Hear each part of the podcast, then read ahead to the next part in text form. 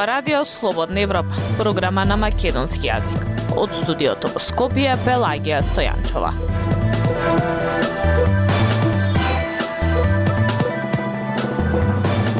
Воопшто не се пристојни платите на вработените во високото образование.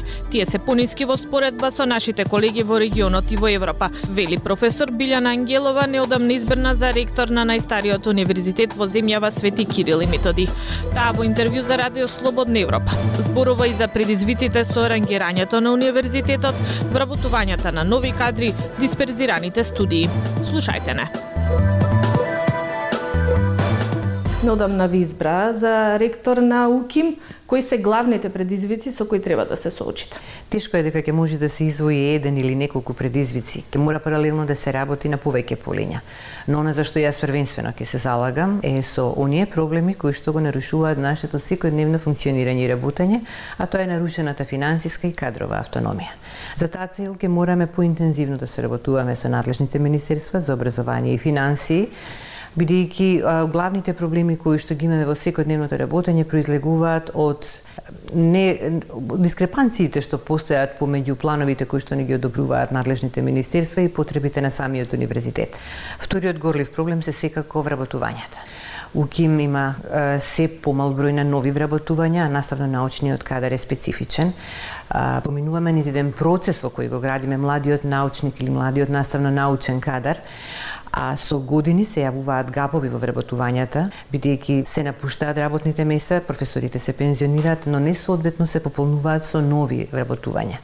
Ова ќе мора да се коригира во иднина и она што во моментов постои како еден метод на вработување, едно пензионирање, едно вработување, мора да се надмине бидејќи имаме големи гапови од минатото. А секако и со закон и со устав имаме гарантирана кадрова автономија и согласно тоа ќе се залагам да можеме да добиеме добиеме што поголем број на вработување.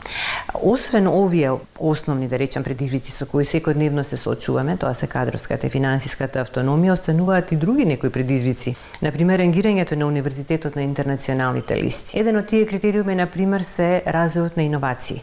Затоа мораме да ставиме акцент и на овој аспект од работењето на универзитетот. Развојот на иновации, развојот на универзитетското предприемништво, трансферот на технологии, од нашата експертиза, универзитетската експертиза кон бизнис тоа, секторот. Ако имаме предвид дека само мал дел од буџетот, речи се еден промил од државниот буџет се одвојува за наука. Како да се прави истражувања, технологии, иновации, ако имате толку малку пари? Видете, и до сега извојувањата за наука, ако гледаме во континуитет декади наназад, извојувањата за наука од бруто домашниот производ се се помали и помали. И сега се на едно незначително ниво од 0,3%. А, со тие средства, кои што и главно се средства за исплата на плати во научните институти и некогаш набавка на некоја поситна научно-истражувачка опрема за лабораториите или преводи на книги, апсолутно не се доволно средства за развој на наука. Меѓутоа, универзитетот а, ќе бара други алтернативни извори за финансирање на научно-истражувачката активност. Тоа го кажав и во својата програма ќе се направа максимални напори да се обезбедат материјални средства, да се платат членарините во интернационалните конзорциуми на ЕРИКС мрежата, тоа Европската научно-истражувачка мрежа, каде што нашите единици, кои што се прилично ориентирани кон наука, како што се единиците од техничкиот кампус, медицинскиот, па и од обштествениот кампус или биотехничкиот, да можат многу полесно да дојдат до проекти, да дојде до финансиски средства. На тој начин ќе добиеме и дополнителен ноу-хау кој што ќе можеме да го трансферираме од странските искуства кон нашиот универзитет и конечно кон нашите студенти кои што ни се главен фокус и цел да испорачаме поквалитетно знаење, поквалитетни предавања бидејќи тие се во фокусот на нашата мисија. Предизвикот со кадровски вработувања и со со плати на на професори и на кадар вработен во високото образование. Пристојни ли им се платите на вработените? Не, апсолутно не. Никогаш порано во историјата универзитетските професори немале пониски плати. Универзитетските професори во Македонија имаат во моментов најниска плата. Таа е некаде околу 800-900 евра за редовен професор и таа е најниска плата во Европа и во регионов. Тоа мора да се промени во иднина. Ние до сега имавме еден колективен договор кој што се имплементираше две години и е, заврши во текот на мај оваа година, кој што за жал за разлика од останатите колективни договори каде што се регулираат работничките права меѓу кои и платите, бевме врзани со фиксен коефициент. Можам да кажам еден од најлошите колективни договори што до сега сме ги имале.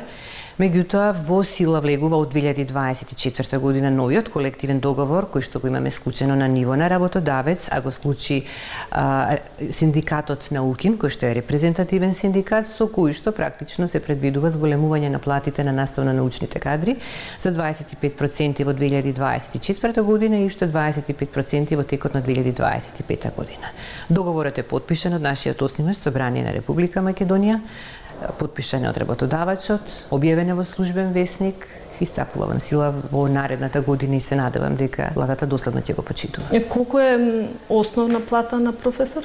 Во овој момент Во овој момент мислам дека пред покачувањето што го имавме последно во мај месец е околу 50-51 илјада Очекувам дека дополнителни може би 10% на нето платата ќе се зголеми, бидејќи стариот колективен договор кој што реков истече во мај месец оваа година, предвидува последно зголемување на платите на редовните профи... на не на редовните туку на на професорите генерално на, уни... на универзитетот на ниво од 54% од просечната плата исплатена во Република Македонија за предходната година. Значи се работи за еден фиксен коефициент од 21.663, кој што сега ќе се зголеми некаде на над 25 до 26.000 денари, тоа се пондарира со стапка од 3,03 за редовните професори и со други коефициенти зависно од наставно-научните звања на наставниците и така се доаѓа до бруто платата на секој наставник. И како сега од една страна нема кадар, не може да се пополни, а и платите не се, да кажеме, репрезентативни, како да се привлече луѓе што цел живот или со години вложуваат во во свое унапредување, во наука, а зимаат плата што е колку една потрошувачка кошница. Па да.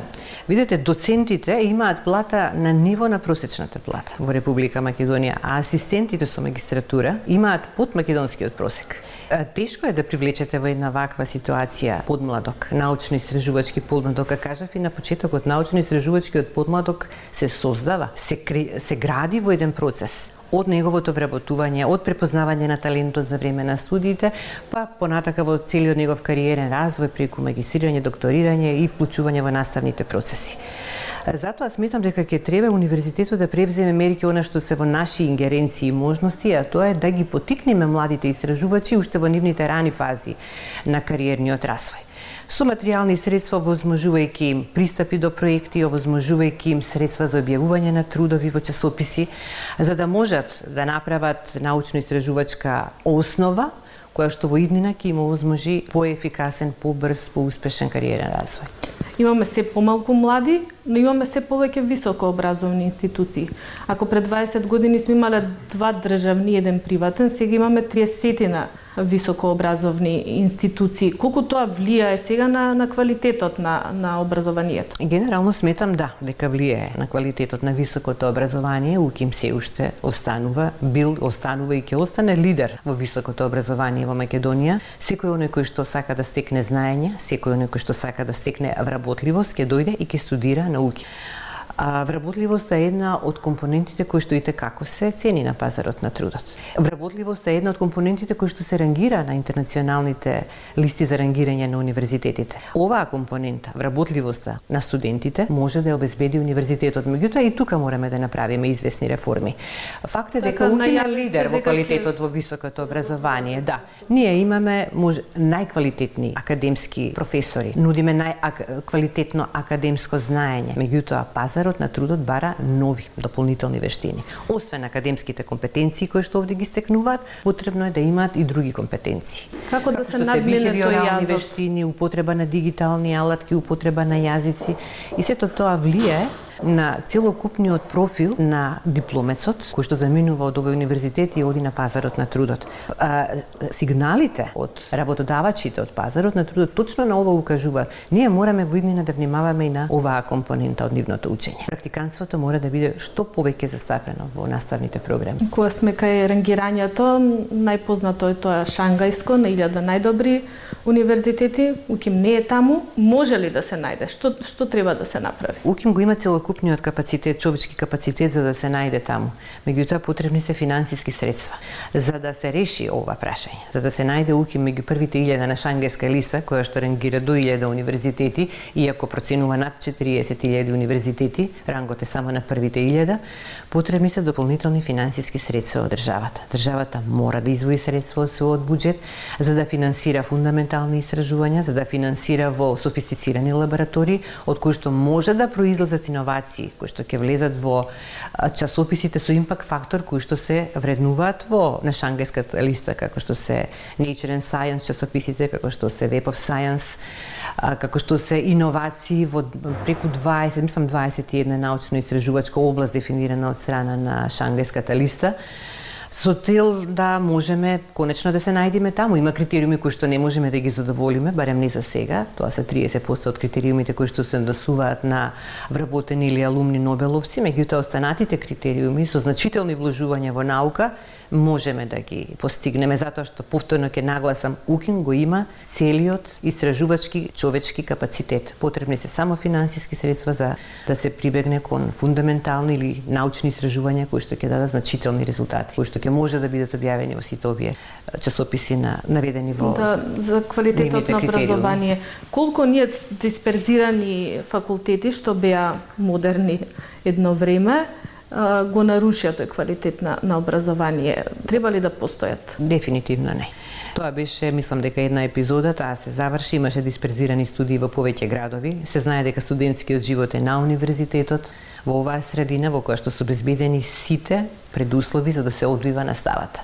Не може во импровизирани услови да се одвива наставата, со патување кои што се на подалечни дестинации, кој што генерално го нарушија квалитетот, односно не може да дадат исти таков квалитет како квалитетот кој што се одвива овде на универзитетот, во универзитетските простори, со сите нагледни средства со кои што располагаме, лаборатории со кои што располагаме и така натаму. Законот за образование се донесе пред неколку години после оние протести на студентски, на професорски пленум. Колку сте задоволни од тој закон? Треба ли нешто да се менува сега?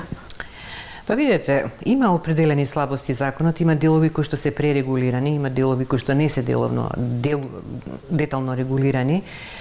А, може би потребно е во законот повторно да се врати оној дел кој што се однесуваше на избори на наставниците во наставнички звања, каде што се бараше објавување на трудови со импакт фактор, бидејќи видовме дека точно во тој период кога предходниот закон го имаше воведено, го имаше регулирано овој дел, имавме висока научна истражувачка продуктивност. Тогаш нагло скокна таа продуктивност на сите универзитети, па и на нашиот универзитет се разбира најмногу би рекла околу мандатите на студентите кои што сега се по една година, тоа се мандатите на студентите во факултетските студентски собранија, во универзитетското студентско собрание, прекратко е. Студентите се наш партнер, ние постојано работиме со нив и работиме за нив. Меѓутоа бргу се вршат тие промени, би требало да се хармонизираат со мандатите на деканите, на ректорот и проректорите Исто така сметам дека во законот треба можеби подетално да биде регулирана финансиската и кадровската автономија, бидејќи тие на вистина се прилично нарушени и го засегаат секојдневното работење. Така што мислам дека во начало ова се основните работи кои што ги требало да ги регулира законот, има и некои работи кои што се недоречени, односно недовршени од овој закон, како на пример формирање на националната рамка на квалификации и занимања во високото образование, таа се направи во средното, предвидена е со овој закон за високо, меѓутоа се уште не е донесена. Се надевам дека сега со исцет класификацијата ќе се среди и овој аспект на законот. Задоволни ли сте од автономијата што е им универзитетот? И како успевате да одолевате на политички влијанија од која страна да доаѓаат? Видете, универзитетот кажав дека има и со устав и со закон регулирана финансиска, кадровска, функционална, организацијска автономија. Повеќе или помалку нарушена ни е финансиската автономија и кадровската автономија. И во тој дел затоа реков дека во законот може би треба да се регулираат механизми кои што ќе ни ја гарантираат и финансиската и кадровската автономија. На универзитетот имало обиди за политички притисоци, меѓутоа секогаш универзитетот останал отпорен на таквите притисоци. Благодарам за интервјуто. Благодарам за поканата. Тоа беше се во неделното интервју на Радио Слободна Европа. Од студиото во Скопје со вас беа Белаја Стојанчова и Дејан Балаловски. До слушање.